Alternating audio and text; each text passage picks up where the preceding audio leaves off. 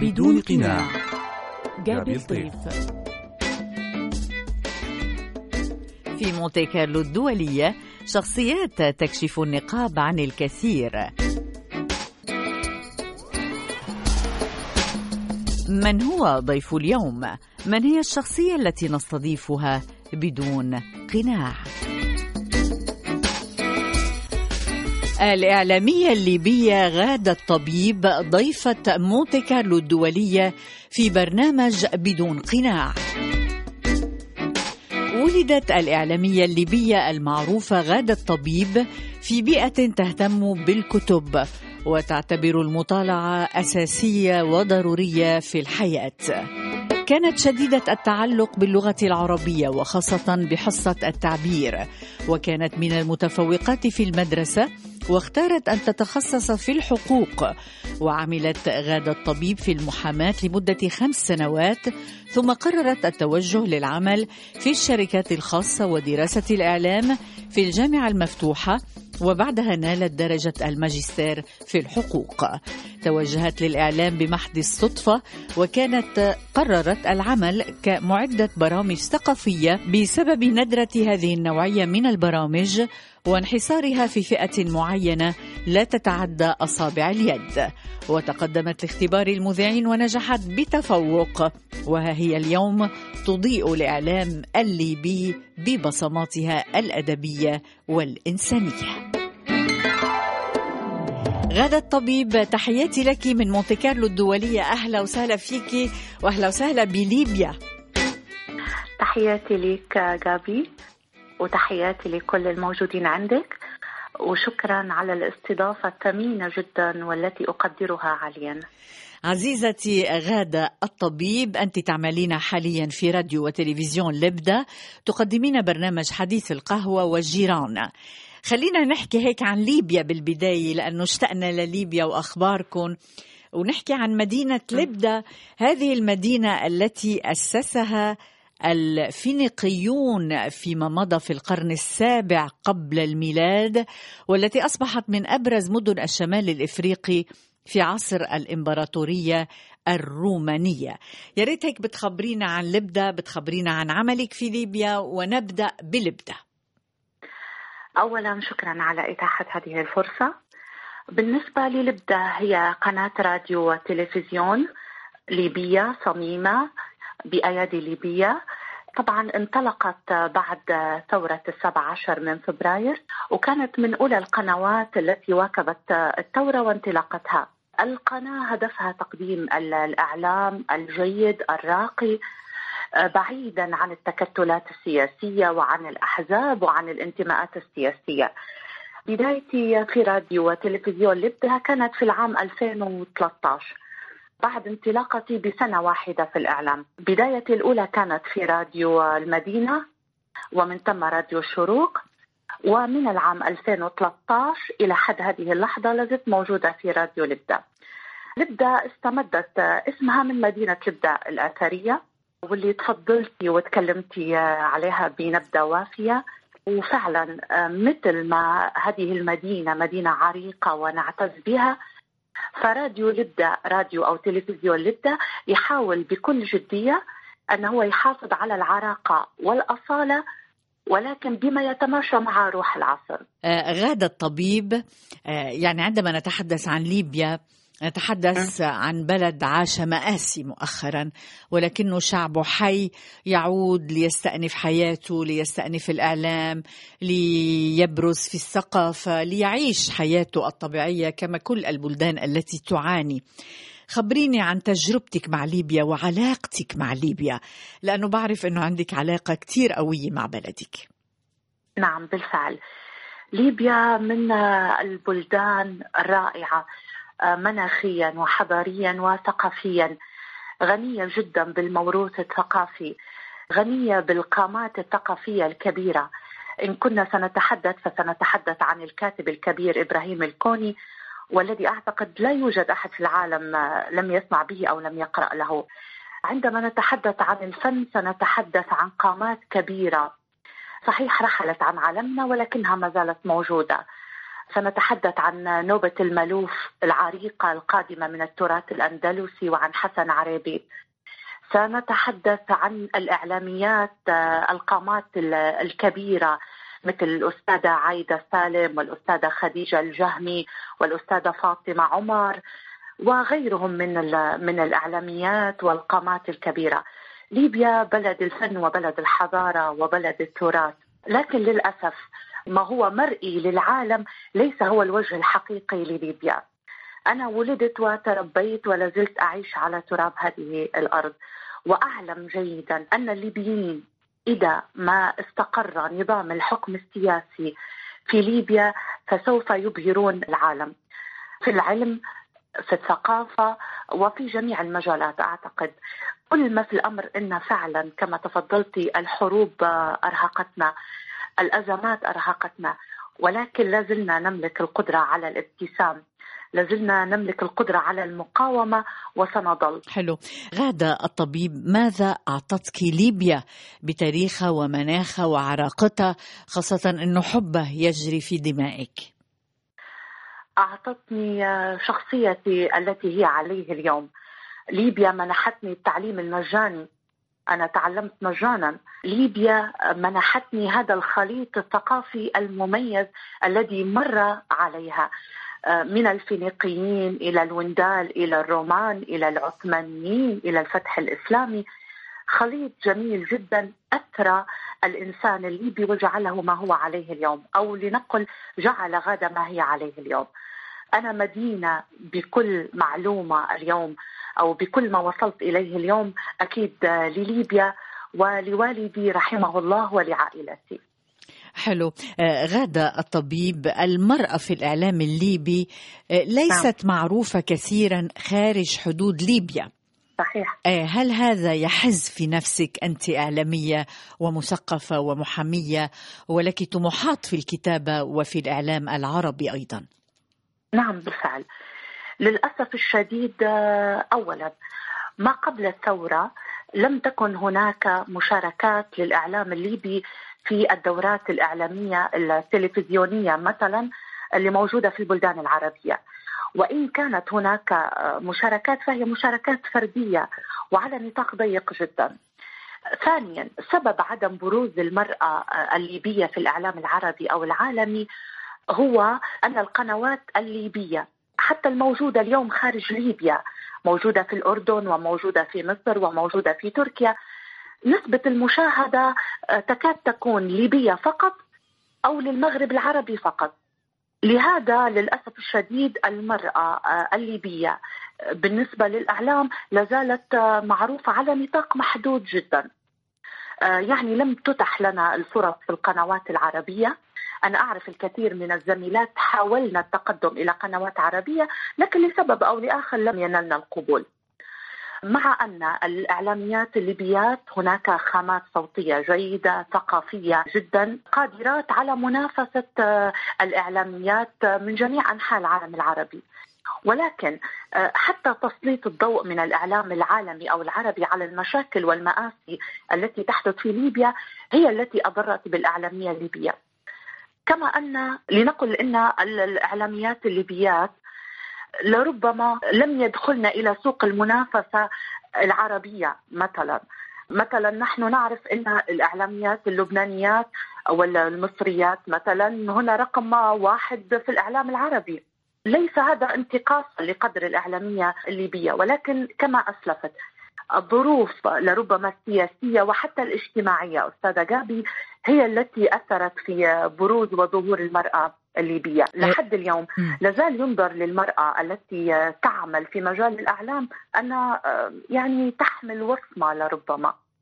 ماذا تتمنى غادة الطبيب آه، للإعلام في ليبيا خاصة أنك محامية في الأساس درسي قانون وحقوق إلى آخره؟ أتمنى فعلا أن يلتزم جانب الحياد. للأسف الشديد القنوات الإعلامية الليبية اليوم وبالتحديد التلفزيونية آه، لا زالت تنساق خلف الآراء السياسية وتنتمي آه، إلى جهات سياسية معينة. بعض القنوات لا زالت تعمل بنظام بث الفتنة وبث الفرقة.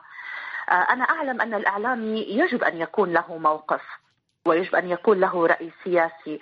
ولكن بمنأى عن ما تقدمه للمشاهد أعتقد. عيب القنوات الليبية اليوم هو ادلجت الإعلام. أعتقد كمشاهدة قبل أن أكون إعلامية أو محامية أن الإعلام المؤدلج أو المسيس لا يلبي طموح المشاهد الليبي. ثم أن القنوات الليبية مع كامل احترامي توجهت إلى الجانب السياسي بشدة. لم تولي البرامج الترفيهية والبرامج الثقافية ذاك الاهتمام المرجو خاصة أننا في بلد لا زال ينفتح على الثقافة العالمية. يجب أن نراعي الحداثة. يجب مقاطعة الماضي آه، أساليبه تصوراته وأعتقد أن الحركة الاجتماعية في ليبيا هي ستكون الدافع الذي سيساعد على ظهور الحداثة بشكلها الإيجابي لنقل في الإعلام الليبي وسوف يؤثر عليها. يجب على الإعلام الليبي أن يقود الحملة لهدم البنية التقليدية السائدة خروجا عن التقاليد. طبعا بشكل إيجابي وليس بشكل سلبي أنا أتحدث. إعادة النظر في كل ما هو موروث ومنقول من إعلام القذافي. يكون هناك خطوة للتحديث من القديم إلى الجديد. نتخلص من نظام التبعية والانقياد. هذا ما أتمناه للإعلام الليبي بكل بساطة. يا رب قلبي لم يعد كافيا. لأن من أحبها تعادل الدنيا. فضع بصدري واحدا غيره يكون في مساحة الدنيا.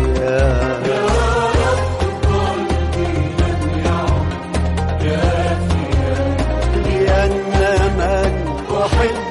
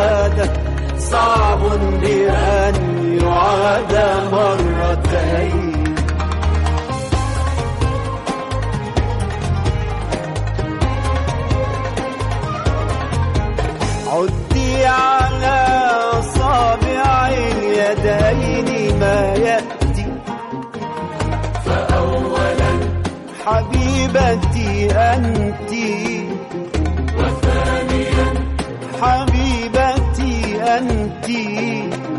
وثامنا وتاسعا وعاشرا حبيبتي أنت أنت حبيبتي أنت أنت أنت أنت حبيبتي أنت. يا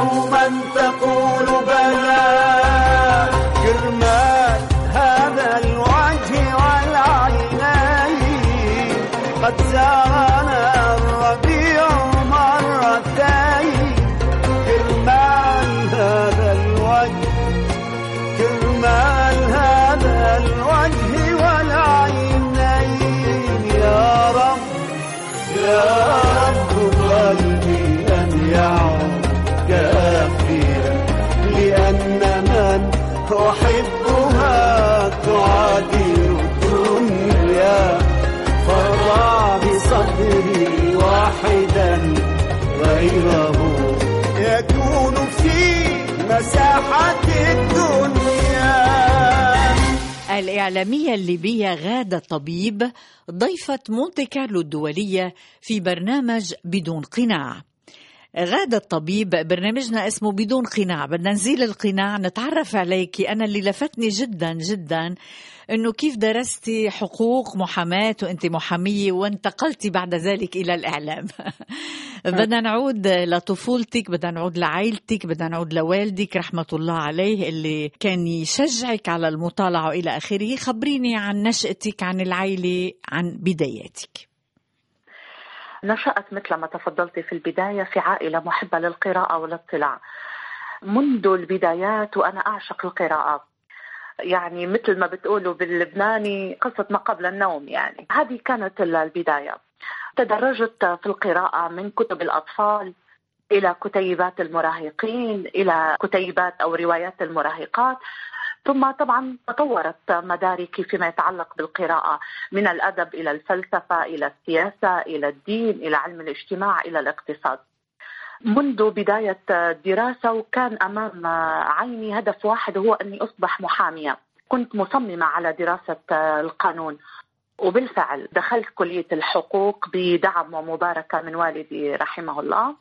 وتخرجت في كلية الحقوق وعملت كمحامية وعملت كذلك في شركات خاصة. إلى جانب طبعا هواية القراءة والكتابة اللي كنت أنميها بشكل متواصل. من خلال الاطلاع على الكتب والروايات وبعض الدورات التدريبية إلى غاية في يوم وهو كان في عام 2012 بعد الثورة على طول كان في مجموعة من الشباب وكانت في مراكز إعلامية تهتم بالشباب وتحاول انها هي توعيه سياسيا وثقافيا بعد الثورة. فأسسنا جريدة بإمكانيات بسيطة كان اسمها جريدة الشعاب ومسكت إدارة تحريرها ومن ثم انتقلت إلى كوني رئيس التحرير. بعدين كان في جريدة دبوس وهي جريدة كاريكاتير ساخرة. كذلك كنت فيها رئيس التحرير. يعني كانت محاولات شبابية واكتسبت منها خبرة إلى جانب دراستي في الإعلام. غادة الطبيب يعني دايما بتركزي على الوالد ودوره.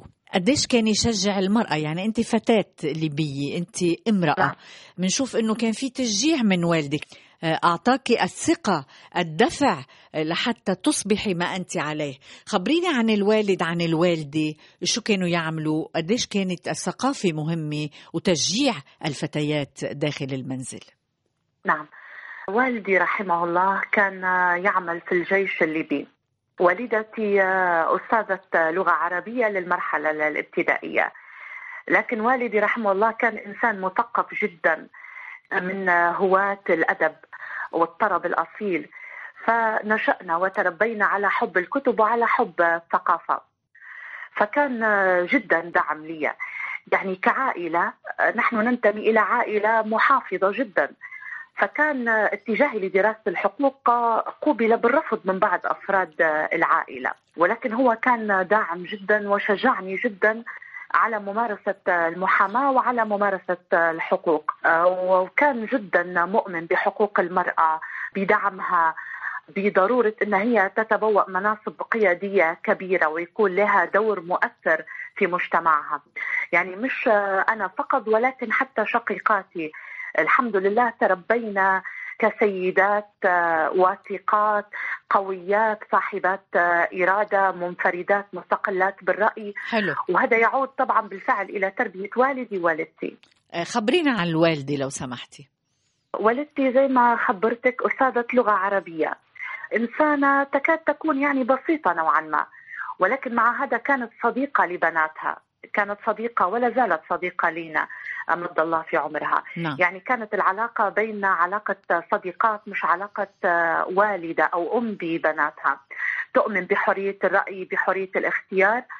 وكانت هي ووالدي يعملون على تحميلنا للمسؤولية مبكرا أو حمل المسؤولية تعويدنا على حمل المسؤولية مبكرا. وعلى الاستقلال بالرأي واستشارتنا في كل كبيرة وصغيرة. وهذا نادرا على فكرة وجوده في المجتمع الليبي. يعني المجتمع الليبي بعض العائلات وليس الكل تربي بناتها البنات يعني تحديدا إنهن يكن انقياديات وخانعات وتكون زوجة وأم مع احترامنا أكيد لدور الزوجة والأم نعم، نعم. لكن أنا تربيت في عائلة تولي العلم والثقافة أهمية كبرى. قديش آه، يعني آه، غادة الطبيب هذا الأمر أثر بحياتك؟ وأعطاك هذه الشخصية المتميزة وهذه الثقة. بعدين آه، يعني هذا الخيار أن تكوني محامية وتتركي المحاماة وتذهبي إلى الإعلام لأنك واثقة من نفسك وتعلمين ماذا تريدين. نعم بالفعل. هذه التربية أثرت علي بشكل كبير حتى على اختياراتي المستقبلية. آه، لما تركت آه، المحاماة ابتدأت من الصفر في الإعلام. وفي ال 2012 كان صعب آه، بروزك في مجال الإعلام لأن القنوات الخاصة الليبية تلفزيونيا وفي مجال الراديو نبتت كالفطر مثل ما يقول المصطلح في كل مكان. وكان صعب التميز بس الحمد لله كنت واثقة فعلا بفضل التربية اللي تلقيتها. كنت واثقة أنني حنعمل آه، بصمة على الأقل في الجانب الثقافي. يعني الجانب الثقافي كان نصب عيني من بداياتي. أغلب البرامج اللي قدمتها كانت برامج آه، ثقافية. مثلا حديث القهوة يبث بدون انقطاع من 2013 على راديو وتلفزيون لبدا إلى هذه اللحظة. ويكاد يكون هو البرنامج الثقافي الوحيد على المحطات الليبية. اللي يناقش آه، الكتب يقدم ريفيوهات عنها غني بالفقرات المتنوعة. عندنا فقرة تتكلم عن أهم المناظرات في التاريخ فقرة تتكلم عن الطب فقرة تتكلم عن السياسة فقرة تتكلم عن التاريخ. حتى المواضيع اللي يتم طرحها هي مواضيع فلسفية بحتة. آه، يعني البرنامج كان عليه رهان حتى من إدارة الراديو.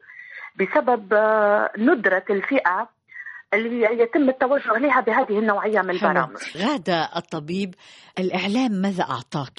لأنك ذهبت إلى الإعلام باحثة عن شيء ما ماذا نعم. أعطاك الإعلام؟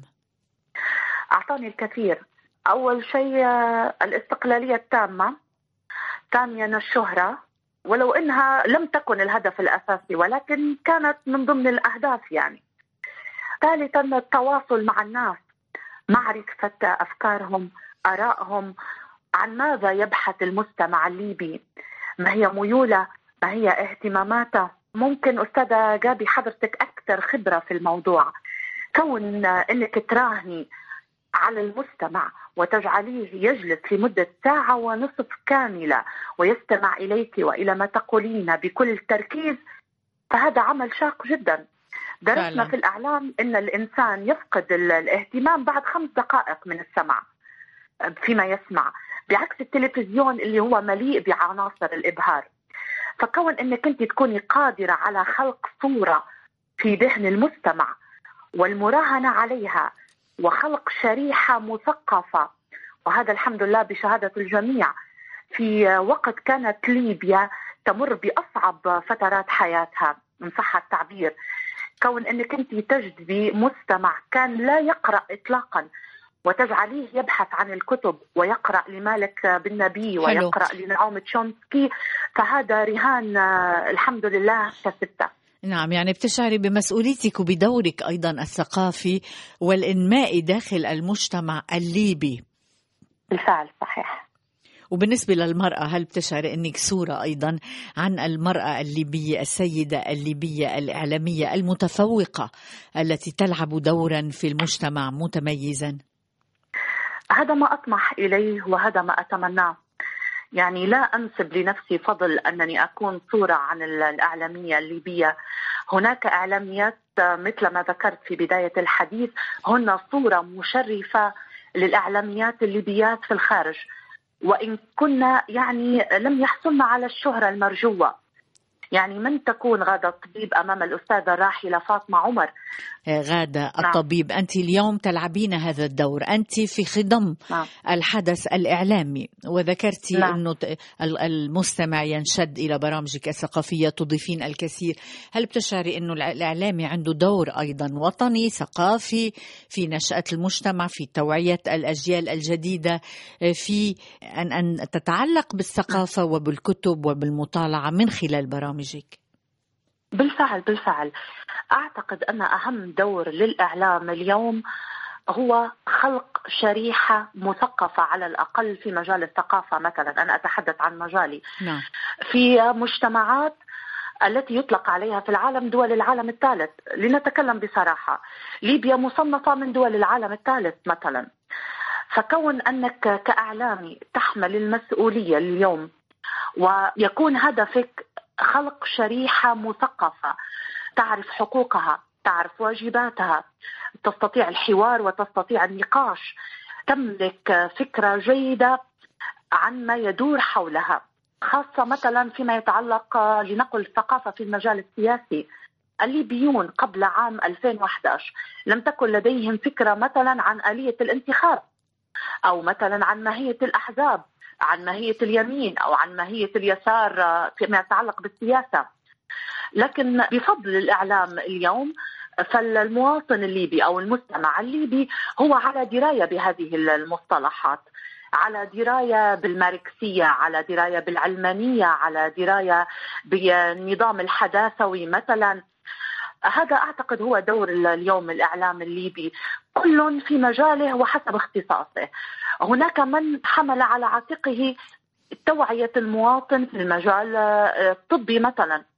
هناك من اختصص ببرامج المرأة، المرأة نصف المجتمع. وبالتالي هي حملت على عاتقها توعية المرأة بحقوقها وواجباتها السياسية والثقافية والاجتماعية بالنسبة لي حملت لواء الثقافة أو هذا ما أتمناه ومهمتي اليوم هي مضاعفة هذه الشريحة المثقفة والعودة إلى القراءة وإلى الكتب. في أيام الملكية المجتمع الليبي كان مجتمع جدا مثقف وكان يستهلك من الكتب يعني الكم الهائل والكبير. للأسف الظروف السياسية والاقتصادية اللي مر بها المجتمع الليبي ويمر بها اليوم هي التي أبعدت المواطن الليبي عن القراءة، مهمتنا هي اعادته إلى المكتبة.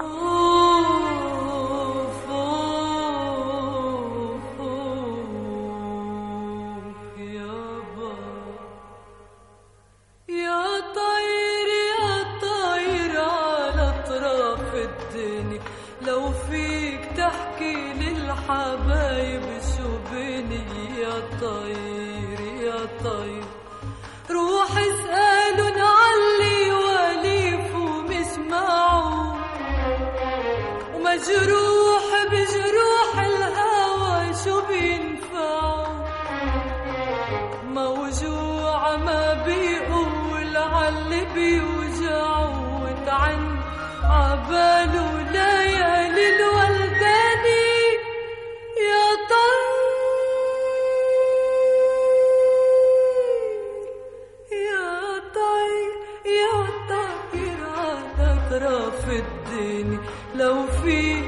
تحكي للحبايب شو بيني يا طير يا طير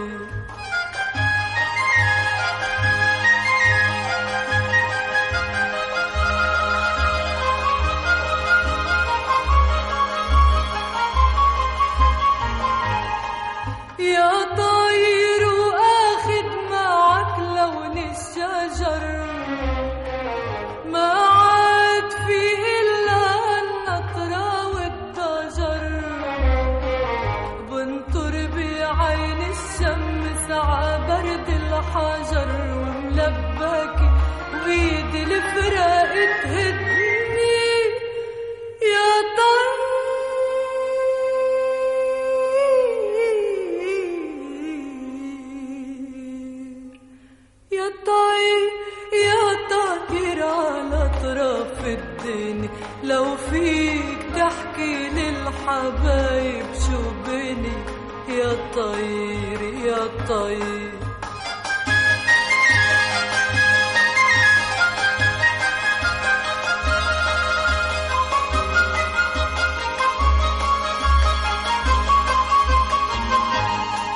وحياة ريشاتك وأيامي سوا. وحياة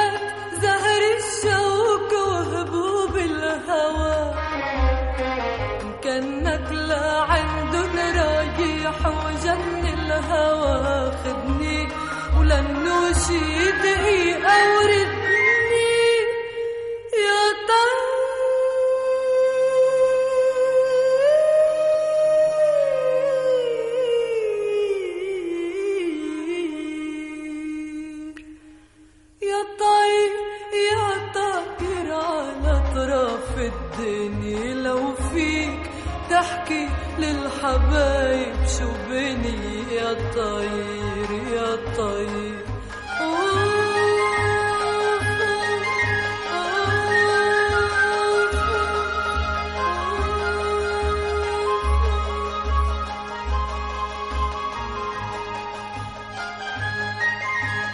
تتابعون برنامج بدون قناع مع جابل طيف على مونتي كارلو الدولية. الإعلامية الليبية المعروفة غادة الطبيب ضيفة مونتي كارلو الدولية في برنامج بدون قناع. غادة الطبيب طبعا من باريس لليبيا. يعني بنحب نعرف أخباركم بنحب نعرف شو بتسمعي أغاني بنحب نعرف على أي موسيقى ربيتي على أي أصوات لأن ذكرتي أنه بالبيت كانوا بيحبوا الموسيقى. بدنا نحكي شوي عن رموزك بعالم الفن بعالم الأدب بعالم الشعر إلى آخره. ونبدأ بالموسيقى. بالنسبة للموسيقى أعتقد لا يوجد إنسان على وجه الأرض لا يعشق فيروز بالفعل. وهذه ليست مجاملة هذا واقع. فيروز وقهوة الصباح توائم. لجميع الناس في جميع العالم. حلو. تربيت على صوت أم كلثوم عبد الحليم عبد الوهاب وردة لأن الوالد رحمه الله كان يسمعنا.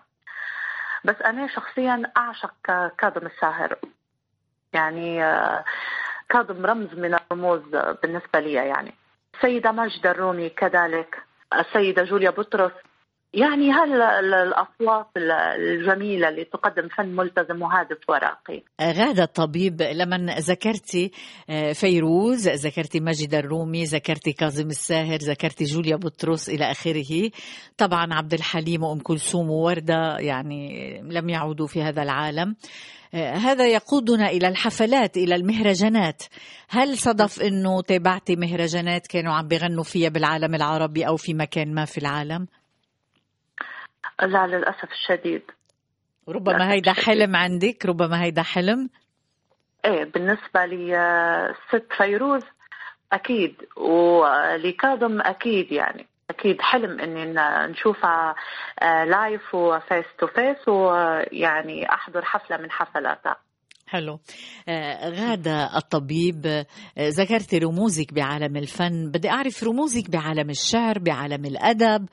بعالم الكتابة على أي أسماء ربيتي مين هن رموزك؟ قد أكون أميل آه، قليلا إلى الشعر الحديث. أنا أعشق نزار قباني. يعني فيك تقولي من لا تحب نزار قباني؟ نعم. كذلك آه، أدونيس نتكلم عن الحديث طبعا. أعشق أبو القاسم الشابي. كذلك بالنسبة للشعر القديم مثلا شعر الخوري. أعشق كذلك عبد الوهاب البياتي. نعم.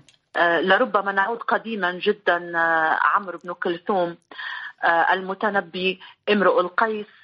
أعشق الأدب الجاهلي والعباسي والأموي وأجد متعة في قراءته. بالنسبة للعامية المصرية مثلا أحمد فؤاد نجم هشام الجخ مثلا أسماء يعني تستهويني وأحب الاستماع إليها. بالنسبة للكاتبات الشاعرات غادة الطبيب دايما المرأة تتأثر بالمرأة.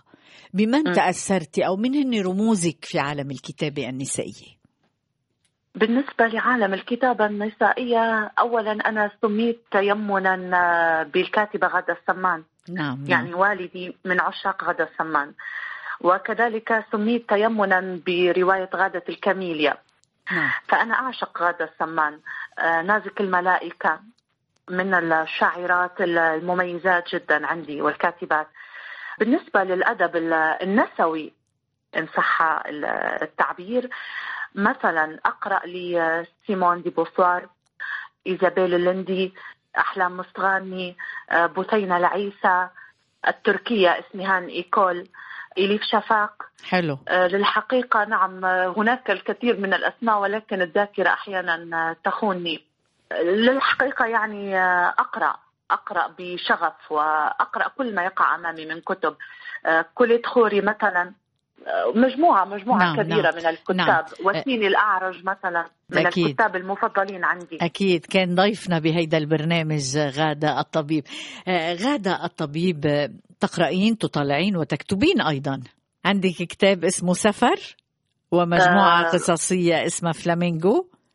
مجموعة قصصية أعمل عليها حاليا اسمها فلامينغو. وكتاب آه، هو يفترض أنه يكون قد صدر. لكن في بعض العراقيل للأسف الشديد اسمه سفر على مدار ضفيرة.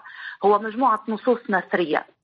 غادة الطبيب كتاباتك. قلتي إنه نسر وإلى آخره ولكن في حب في أمل في تطلع من ليبيا إلى خارج حدود ليبيا في حديث عن المرأة في حديث عن الحياة إلى آخره. اختصري لنا هيك هواجسك وأولوياتك في الكتابه لو سمحتي. آه، الهواجس دائما المثقف يحمل هاجسا واحدا وهو المستقبل. كيف سيكون؟ بالنسبة لي كامرأة أو كسيدة ليبية دائما المرأة في ليبيا وقعها ومعاناتها هي هاجسي الأول. الظلم الذي تتعرض له المرأة عدم الإنصاف عدم نيلها كافة حقوقها الظلم الذي تتعرض له المرأة في قصص الحب.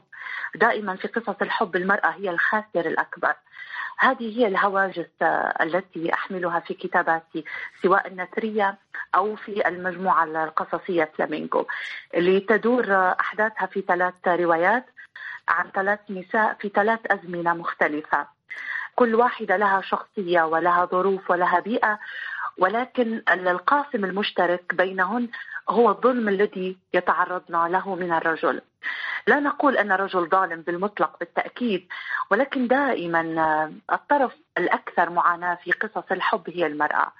فهذا هو الهاجس الذي أحمله. لربما المرأة كيف تطور من واقعها كيف تحاول أن تدفع بغدها إلى الأفضل.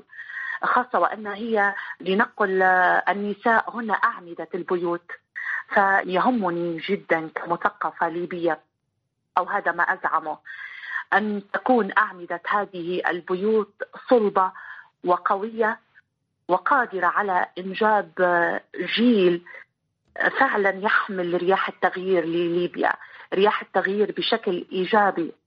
أطمح أن تكون المرأة الليبية ليس مجرد سنيده للرجل ولكن شريكة. أطمح آه، إلى اليوم الذي أرى فيه المرأة الليبية رئيسة وزراء نعم. وربما رئيسة جمهورية. هناك اليوم من الليبيات نساء قاضيات محاميات أستاذات جامعيات وحتى يمسكن مناصب قيادية. لكن أعتقد أن المرأة الليبية ما زال لديها ما تعطي فقط إذا أتيحت لها الفرصة المناسبة.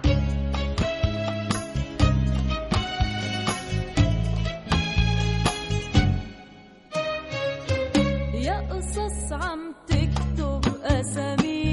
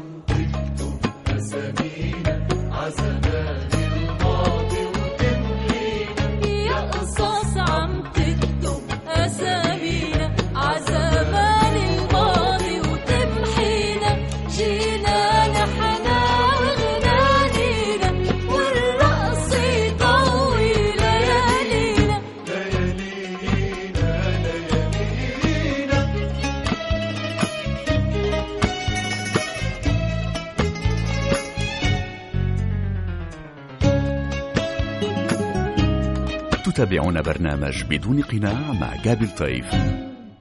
الإعلامية الليبية المعروفة غادة الطبيب ضيفة مونتي كارلو الدولية في برنامج بدون قناع. غادة الطبيب عناوين برامجك حديث القهوة وجيران.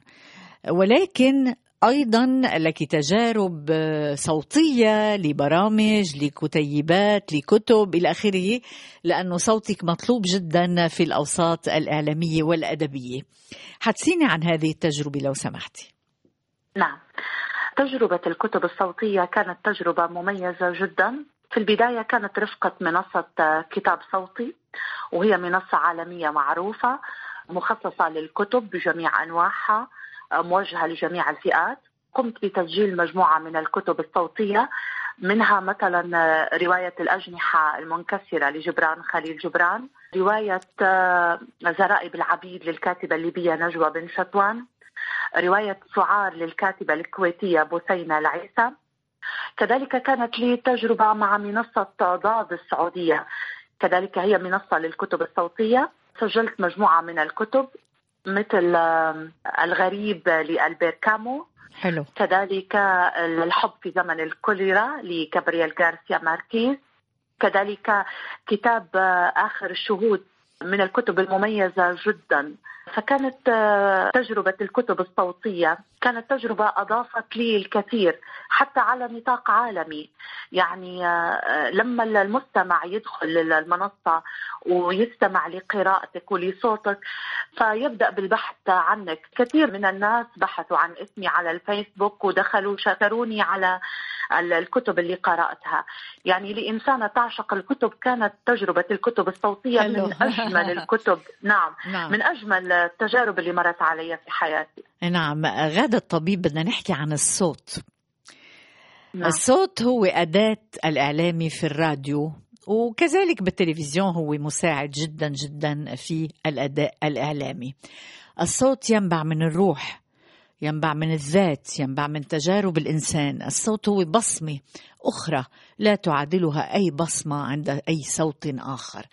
علاقتك بصوتك كيف تتعاملي مع صوتك؟ ماذا يعني لك صوتك؟ يعني آه، أكاد آه، أقول إن صوتي هو أثمن ما أملك في حياتي. دائما أعامل معاملة الأم لطفلها. يعني مثلا أنا محرومة من شرب القهوة حفاظا على صوتي بناء على نصائح مهندس الصوت. دائما أقوم بتمارين الفوكاليز. وأحاول ألا أتعرض لنوبات برد. من الأشياء المحببة عندي. دائما أقوم بتسجيل مقاطع لروايات مثلا أو لكتب حتى أحتفظ بها لنفسي دائما لتمرين الصوت. أعتقد إن فعلا مثل ما ذكرتي صوت الإعلامي أو صوت المذيع أو صوت ال voice over هو أثمن ما يملك في حياته. وأنا أثمن عاليا صوتي وهي هبة ربانية. الحمد لله. فعلا. آه، بالنسبة لوجهك أيضا الوجه بالتلفزيون آه، يعني الشخصية الحضور آه، يعني كيف تنظرين إلى شخصيتك الإعلامية بالنسبة للتلفزيون؟ للحقيقة لحد هذه اللحظة لم تكن لي تجربة تلفزيونية كاملة. بالنسبة للمحطة التي أشتغل بها وهي راديو وتلفزيون لبتا البث مقتصر على الأبليكيشن والفيسبوك يعني البث على الإنترنت. لكن طموحي القادم هو محطة تلفزيونية عربية يعني أنا أطمح أن أكون من ضمن أوائل المذيعات الليبيات المشتغلات في أحد التلفزيونات التلفزيونات العربية أو المحطات العربية. القبول الرباني أعتقد أنه هو أهم الأشياء اللي يجب أن يتمتع بها المذيع. بصرف النظر آه، لربما عن الجمال. للأسف بعض المحطات التلفزيونية تركز على آه، شكل المذيعة. يعني آه، اليوم تعامل المذيعة مع كامل احترامي للجميع معاملة الباربي. أعتقد أن آه، الكاريزما الشخصية قوة الأداء الخلفية الثقافية الجيدة والقبول من طرف المشاهد هي أهم العوامل التي يجب أن يستند عليها المذيع. مثلا مذيعة عالمية مثل أوبرا وينفري. يعني لا تتمتع بذلك الجمال الأخاذ الذي نعم. يلفت النظر. لكن انظري أين هي اليوم. يعني تعتبر المذيعة رقم واحد اليوم في العالم. ودائما أقول أستاذ أجابي إن كنت تريد أن تصبح كبيرا يجب أن تقارع الكبار. يجب أن تبدأ مع الكبار. فطموحي هو محطة عربية معروفة على نطاق عربي وعالمي. أريد أن أبدأ كبيرة. من الصفر ولكن أريد أن أبدأ كبيرة مع الكبار. يعني قادرة تتركي ليبيا وتنتقلي لدول الخليج أو مدينة تاني أو بلد تاني لبداية آه، حياة جديدة؟ قادرة؟ نعم بالفعل. بالفعل. خلف طموحي وخلف أحلامي لدي القدرة. الوطن أستاذة جابي يقيم في داخلك بصرف النظر عن مكان إقامتك الحقيقي المثقف بشكل عام دائما يعاني من الاغتراب عن المجتمع. دائما يتهم المثقف أنه هو يعيش في برج عاجي. ولكن الذي لا يعلمه البعض لربما أن المثقف يحمل معه وطنه أينما ذهب؟ أنا اليوم لكي أصبح المذيعه الليبيه رقم واحد اللي موجوده في أي قناة عربية أو دولية يجب أن أترك ليبيا ولكني أحمل ليبيا في داخلي. تحضرني آه، أبيات للشاعر الراحل محمد المغوط.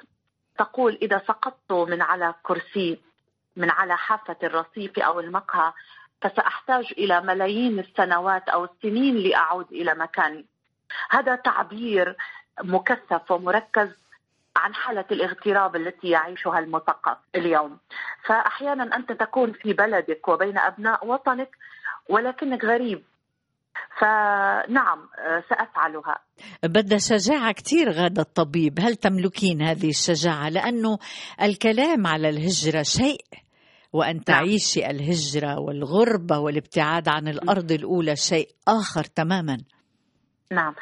أزعم وأعتقد أنني أملك هذه الشجاعة وهذا كان من ضمن مخططاتي وهذا حلمي اليوم وبالأمس وغدا وحتى بعد سنوات الهجرة وأن أترك بصمة في الإعلام التلفزيوني. آه، غادة الطبيب من هي الوجوه التي تسهويك في الإعلام العربي؟ الوجوه نسائية وجوه رجالية؟ يعني من هم رموزك؟ مين بتحبي؟ بدون مجاملة أولا حضرتك من الإعلاميات المميزات التي دائما نرنو إليها. تسلمي. كذلك الأستاذ جورج قرداحي الإعلامية المصرية وفاء الكيلاني يقال يقال يتم تشبيهي هنا بوفاء الكيلاني في طريقة طرح الأسئلة وإدارة الحوار. نعم. يعني والعهدة على ال- العهدة على الراوي كما يقال. نعم. كل التحايا للأستاذة وفاء الكيلاني. هناك العديد من ال- الأسماء. آه، الأستاذ مارسيل غانم من الأسماء المميزة جدا. اسم آخر آه، الأستاذ توني خليفة. وإن كان الأستاذ مارسيل آه، يعني في وادي والأستاذ توني في وادي آخر مع الاحترام لكليهما أعتقد الطريقة ولا التوجه. والبرامج كلاهما من الإعلاميين المميزين آه، غادة الطبيب بدنا نختم هذا اللقاء بتمنياتك تمنياتك للي عم بيسمعونا عبر أثير مونتي كارلو الدولية بالنسبة للمرأة بالنسبة لليبيا بالنسبة لهذه الفترة الصعبة التي يمر بها العالم جائحة كورونا. تمنياتي آه، للجميع بعام جديد إن شاء الله 2021 مليء بالحب مليء بالسعادة بعيدا عن الأوبئة بعيدا عن الأمراض. تمنياتي للمرأة بشكل عام وللليبية بشكل خاص بأن تحقق ما تصبو وتطمح إليه.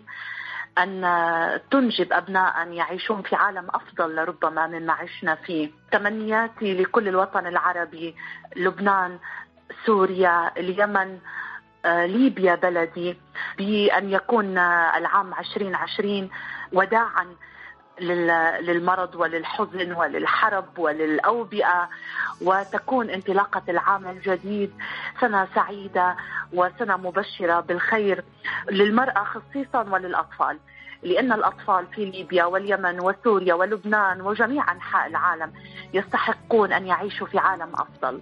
حلو. وإن شاء الله يكون العالم أفضل. أنا بحييك جدا جدا جدا غادة الطبيب الإعلامية الليبية المعروفة. بنتمنى لك أيضا تحقيق الأحلام. بنتمنى نشوفك بالإعلام العربي وين ما كان. نسمع صوتك وين ما كان. كل التحيات لك ولليبيا شكرا لك أستاذة جابي وشكرا لكل الكاست المرافق ليك. وأتمنى أني كنت ضيفة خفيفة الظل. يا أهلا شكرا. لحضرتك. يا هلا يا شكرا.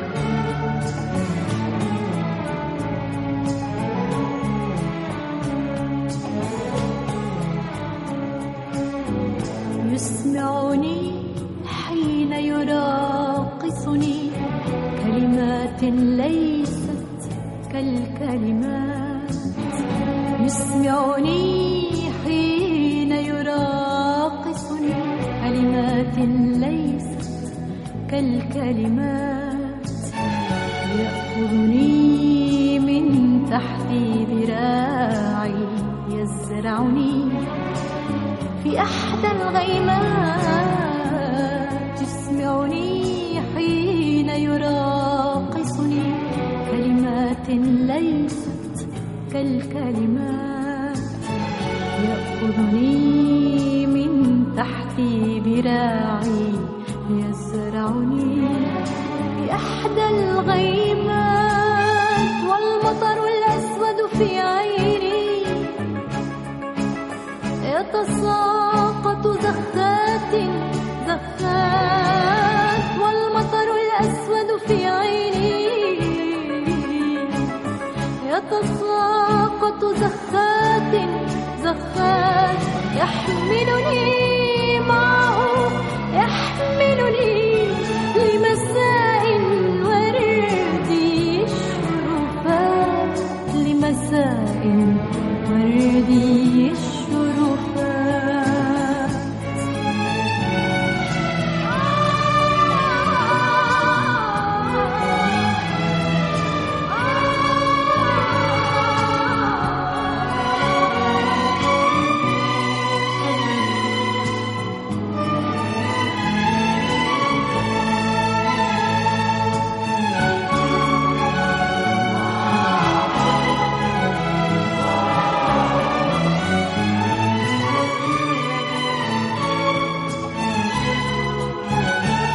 كارلو الدولية لكم دائما أطيب تحيات جابي الطيف والفريق العامل جودي باتري وفنسان ستيفناغ يسمعني حين يراقصني كلمات ليست كالكلمات يأخذني من تحت ذراعي يزرعني